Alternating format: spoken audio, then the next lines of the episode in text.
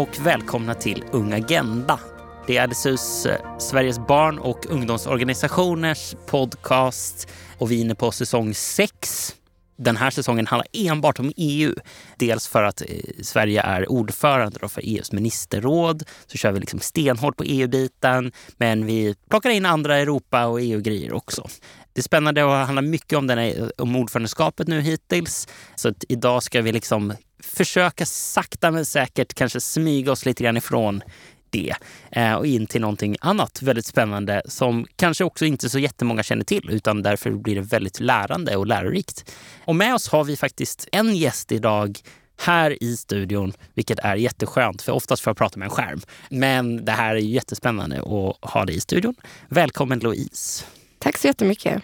Hur mår du och vem är du? Jag mår jättebra. Det har varit eh, fantastiskt fint väder i helgen så att man är taggad här för en ny vecka. Och jag ska faktiskt till Bryssel imorgon. Tidiga flyget. Det blir en del Brysselresor i mitt uppdrag. Och det jag gör då egentligen är att jag sitter som LSUs representant i Europeiska ekonomiska sociala kommittén.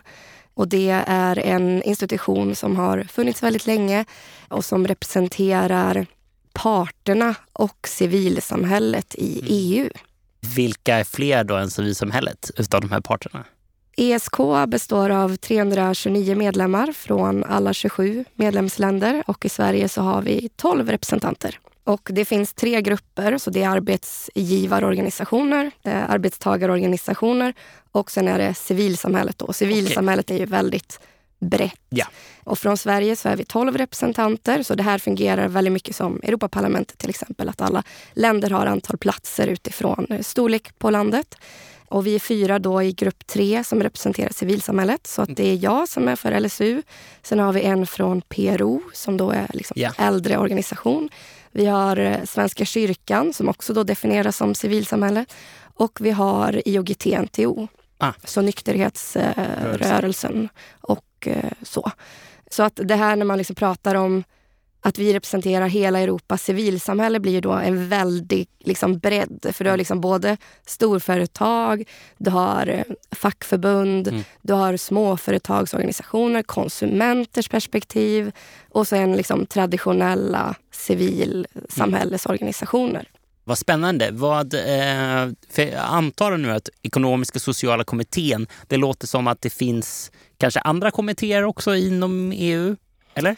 Jag... Ja, regionkommittén okay. kanske du tänker på. Ja, jag, eh. jag bara tänkte att det liksom låter lite grann som att okay, det här är en del av flera olika kommittéer kanske. Ja, ja men ESK hette före detta Ecosoc. Okay. Eh, och det finns ju i FN också så att det blev förvirrande så att ah. man bytte namn här för ett par år sedan. Så nu är det EESC.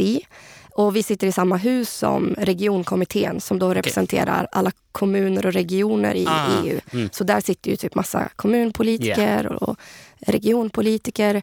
Så det är väl de två kommittéerna som liksom är de största rådgivande organen mm. till kommissionen, parlamentet och ministerrådet. För det, det, är så man funkar som ett rådgivande organ? Liksom. Ja, exakt. Så att vi skriver liksom yttranden, eller vad ska mm. man säga, remisser kan man säga, ja. på olika lagförslag. Och fungerar väldigt mycket som till exempel parlamentet, att inom kommittén så finns det olika utskott. Och så när det kommer ett lagförslag från kommissionen så skickas det till ESK och så väljs det ut vilka som ska skriva ett yttrande och sen så röstar man om det i utskottet och sen går det vidare till plenarsessionen. Så väldigt mycket som Europaparlamentet där man också behandlar i kommittéer och sen är det liksom i plenaren. Och imorgon, eller i veckan då, så har jag då plenarsession. Så då sitter vi och röstar om massa olika lagförslag och vad vi ska tycka i dem. Och sen så handlar det om, vilket kanske kommittén kan bli lite bättre på. Alltså, det handlar inte bara om att skriva ett yttrande på x antal tusen tecken och Nej. sen är det klart. Utan sen handlar det om att liksom lobba på ja. de olika ja, parlamentet och ministerrådet att ta vår ställning i frågan. Mm. Ja, det är en väldigt speciellt liksom, politiskt djur, om jag får mm. säga så. Mm. Och jag valdes ju då 2020 i ja. oktober. Um, på fyra år? Fem år. På fem år till och med? Mm. Så nu är det halvtid faktiskt mm. här. Så vi har val, det här plenarsessionen, och vi väljer olika nya ordföranden och så.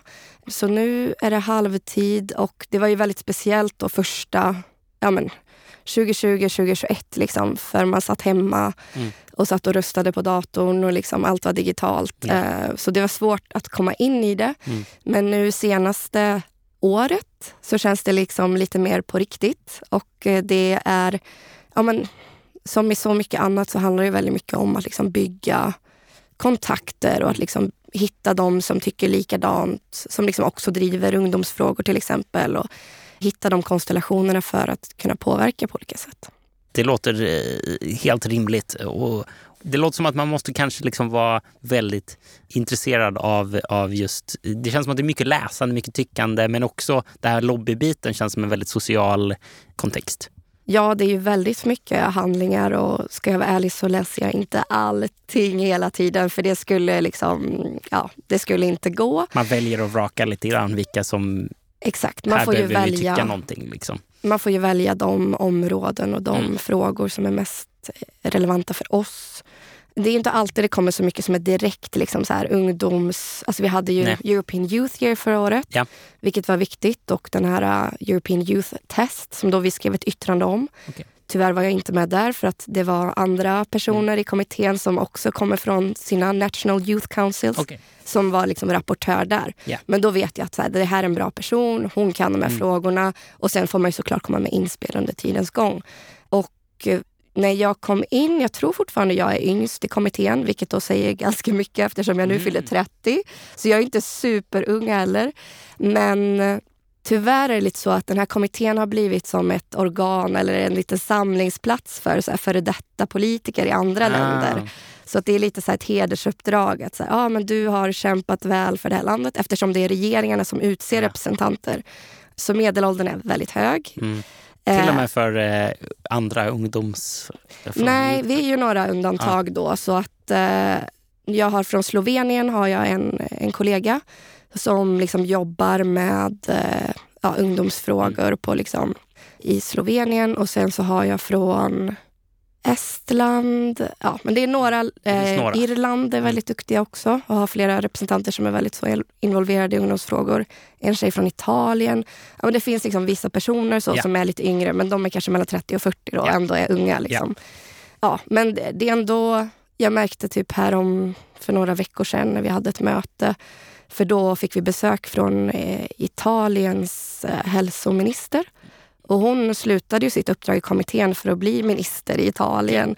Och då märkte jag också att en kvinna som satt bredvid mig från Frankrike, att hon hade varit minister i Frankrike mm -hmm. tidigare och så. Det samlar en spännande... Det är en gateway till antingen pensionera sig. Antingen att pensionera sig eller att slå högre. Ja, mm. eller att glömmas bort och så ja, det blir man bara... också. Yes. ja, men det jag ville säga med det här var att jag har, har, lite stoppats in i ett fack som är mycket frågor kopplat till digitalisering. Okay. För att det finns liksom en bild av att ja, men hon är ung, hon kan alla frågor som har med digitalisering att göra. Så att det har blivit lite så min nisch. Sen blir det såklart mycket ungdomsfrågor också, jag försöker komma in där. Men jag är eh, ordförande för en ett observatorium, kallar de det, okay. för digitalisering och eh, den inre marknaden. Vad spännande. Jag vill prata mer om det där med digit digitalt och eh, den biten och att, eh, att hamna i ett fack.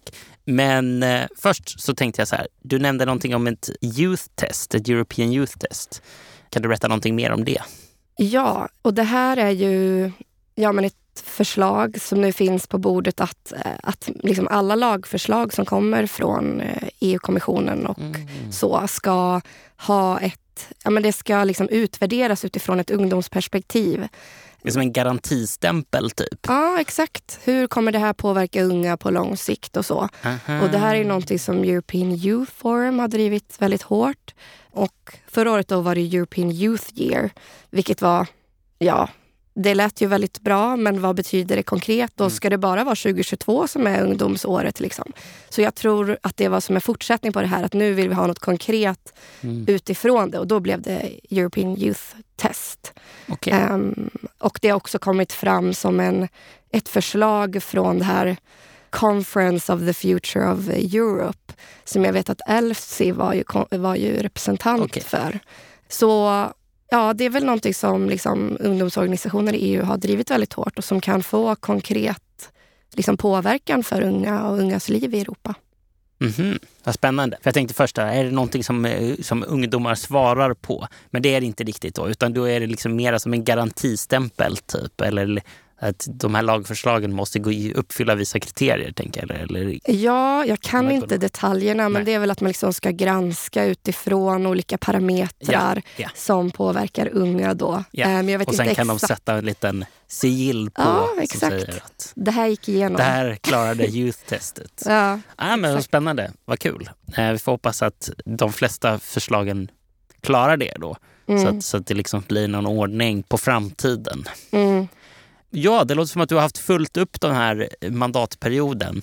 Du pratade om att du hamnade i, i, i något litet fack där om digitalisering eller, eller liksom de mer teknologiska bitarna. Mm. Tror du att det har att göra med att ni hoppade in i, under pandemin?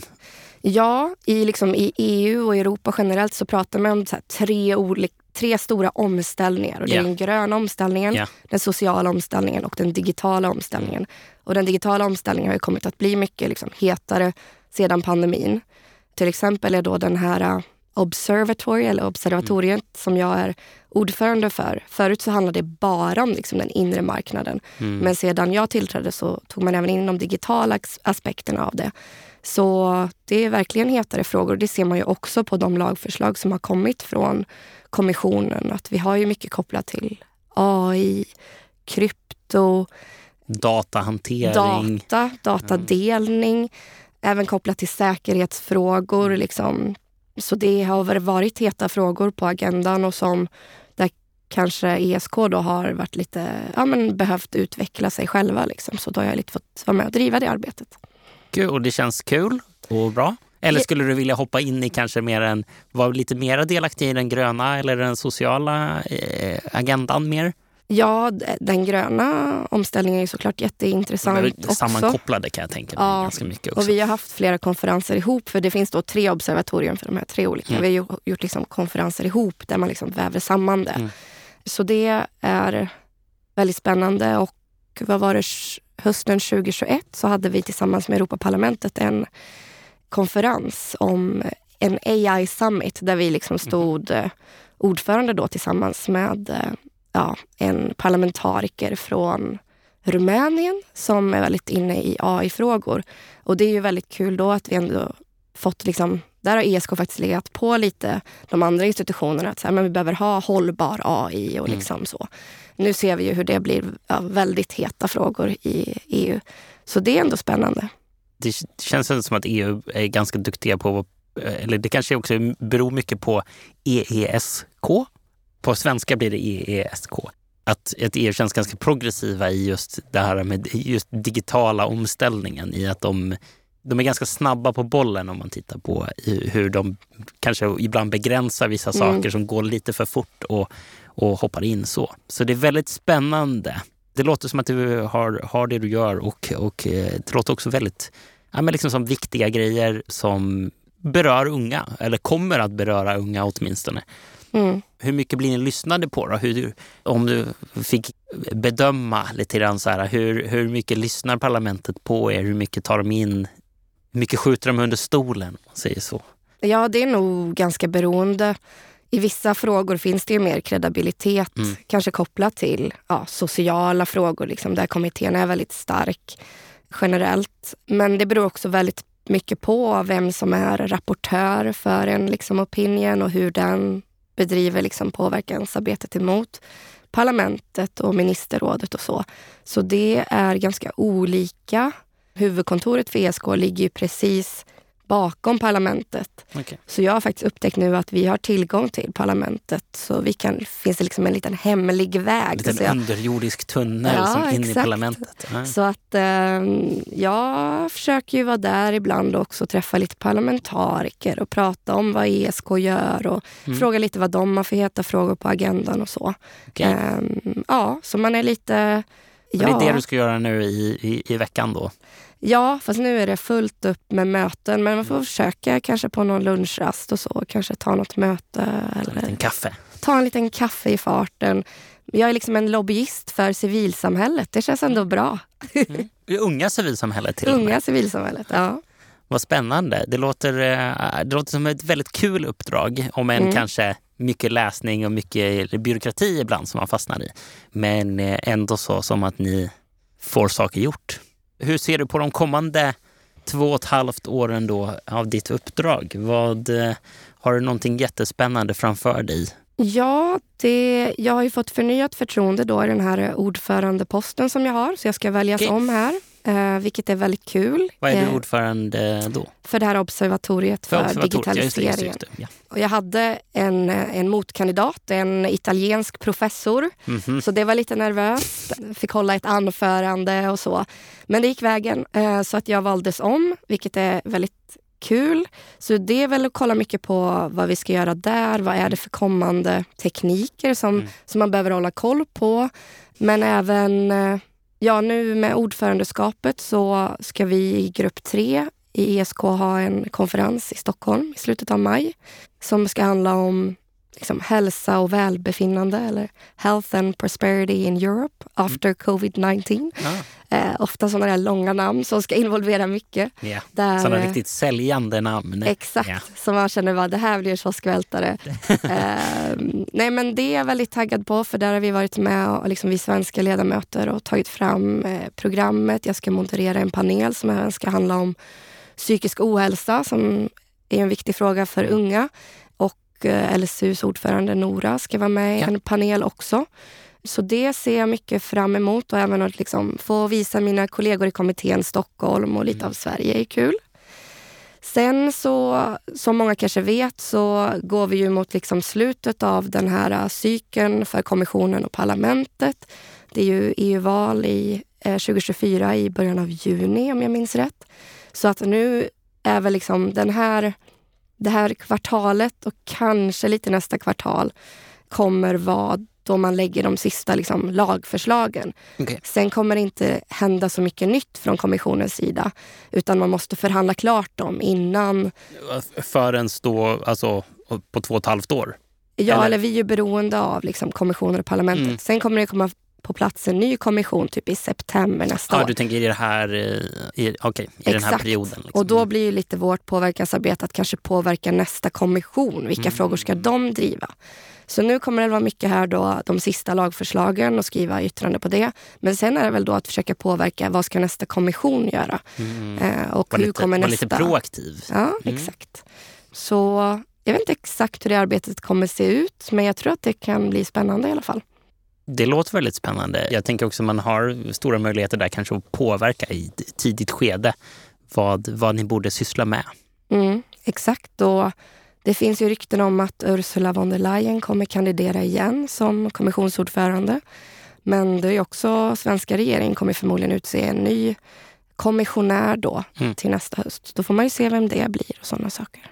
Påbörja kaffelobbandet. Ja, vi kanske kan bjuda hit nästa kommissionär. Ja, definitivt. Det tycker jag definitivt. Vi, Har ni haft Ylva Johansson här? Nej. Jag tror inte det. Nej. Hon har ju migrationsfrågorna och hela migrationspakten så hon har nog fullt upp att göra just nu. Eh, det kan vara så att de brukar ha ganska fullt upp.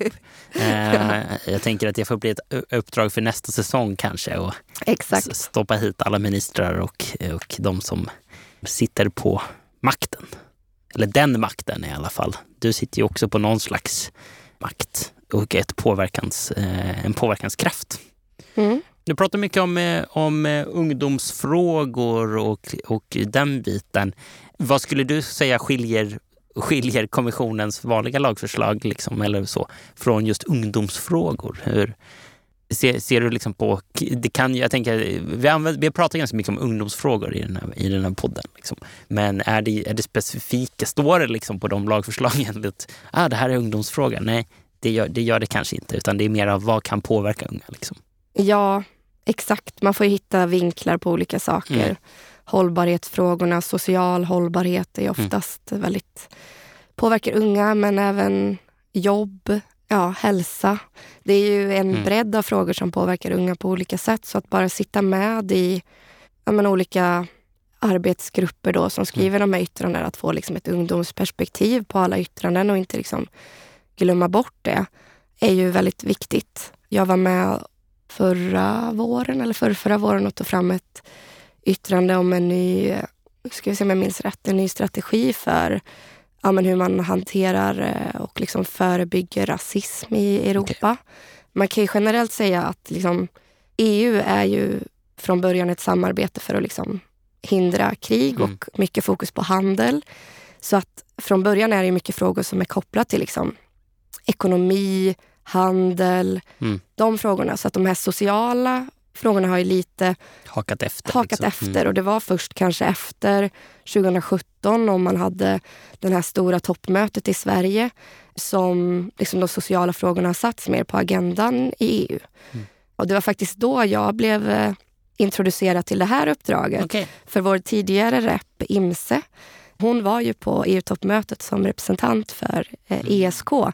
Och då, jag satt ju och följde det här slaviskt på tv mm. för att jag är ju en EU-nörd mm. som vi alla är, alla vi EU-rappar säkerligen.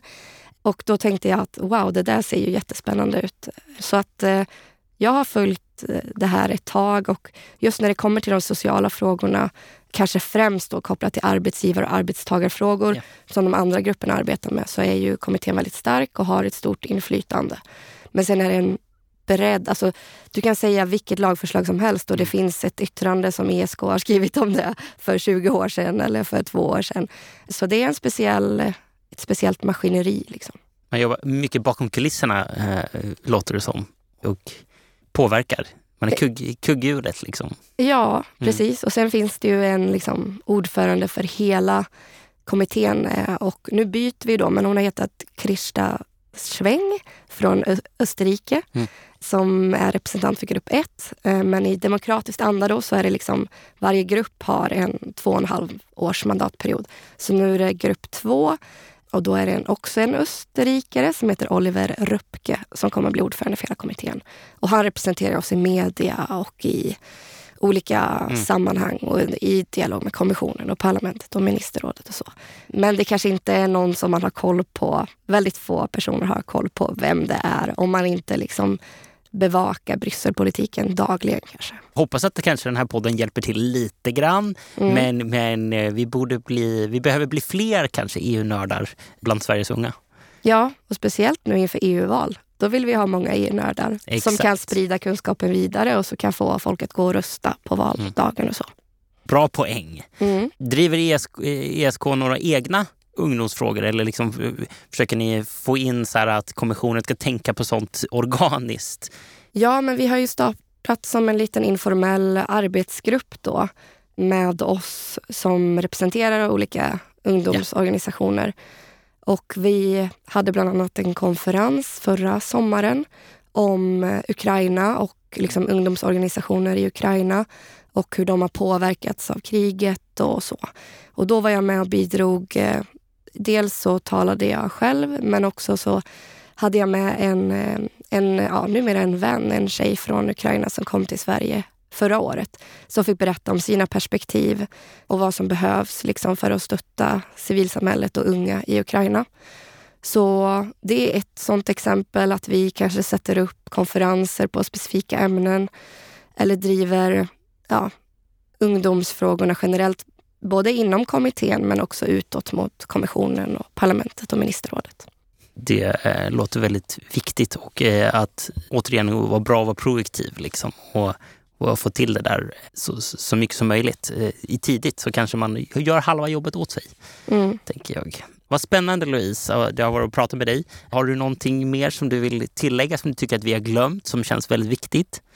Nej, det var väl den där staden då? Ja, exakt. Vi brukar alltid eh, fråga efter en stad och jag har faktiskt, idag var jag lite tom så jag hade inte kommit på något särskilt tema. Men jag hittade på en väldigt spännande sak nu mm -hmm. eftersom att du också sa att du är ordförande för det här observatoriet, mm. hamnat lite grann i den digitala sfären.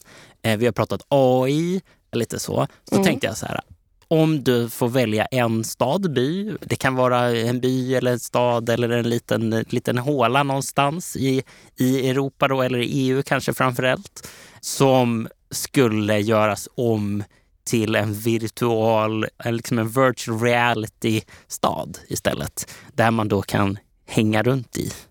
Vilken lång segway. Men ja, vad skulle du liksom säga, det här är pilotprojektet för att göra EU digitalt eh, och verkligen virtual. Mm. Men om man tänker utifrån vilka länder som kanske ligger långt fram här så skulle jag väl kanske säga någon av de baltiska länderna. Så jag kanske säger Riga. Mm mm. Det är också en väldigt fin stad. Det är också en väldigt fin se... stad så den skulle ju se trevlig mm. ut. Det var ett bra pilot, eh, pilotprojekt. Mm.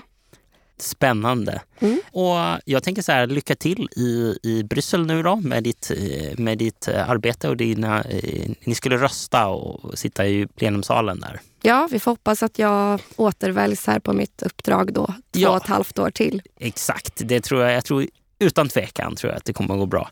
Och så kanske det kommer några spännande lagförslag sen då framöver. Mm. Så ser vi kanske mer av dig då i, mm, vad sa du, maj? När, var, när sa du att ni skulle ha den här grejen här i Stockholm? Ja, 25-26 maj tror jag Så slutet av maj. Mm. Och då, då hänger det ett gäng ESK-människor runt om i, i Stockholm. Mm. Kanske man kan se på, Exakt. av, Och jag tror att vår konferens är öppen, så om man ah. är ett, en medlemsorganisation i LSU så kan man få en inbjudan och komma och lyssna på det här. Det låter ju jättespännande. Mm. Då, det kommer säkert komma ut i LSUs kanaler på något vis, mm. i något nyhetsbrev eller så framöver. Ja, men supertack för att du eh, kom hit och var här Louise. Jättekul och eh, spännande samtal. Jag har lärt mig enormt mycket om det här. Jag, hade liksom, jag visste att det fanns, men jag förstod inte riktigt vad, vad det gick ut på. Men det gör jag nu. Det ja. låter ju superviktigt. Och hade jag eh, gått en annan väg i livet hade jag också tyckt att det här var väldigt spännande att hålla på med.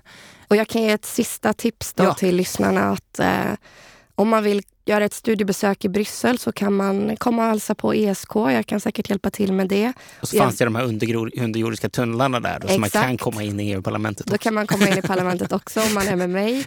Eh, och de har även eh, praktikplatser, så om man är i den åldern och kanske studerar och vill komma till Bryssel så finns ESK också som en möjlighet att, att göra praktik på. Superbra tips. Och med det så tackar vi för oss idag. Vi syns i nästa avsnitt. Tack!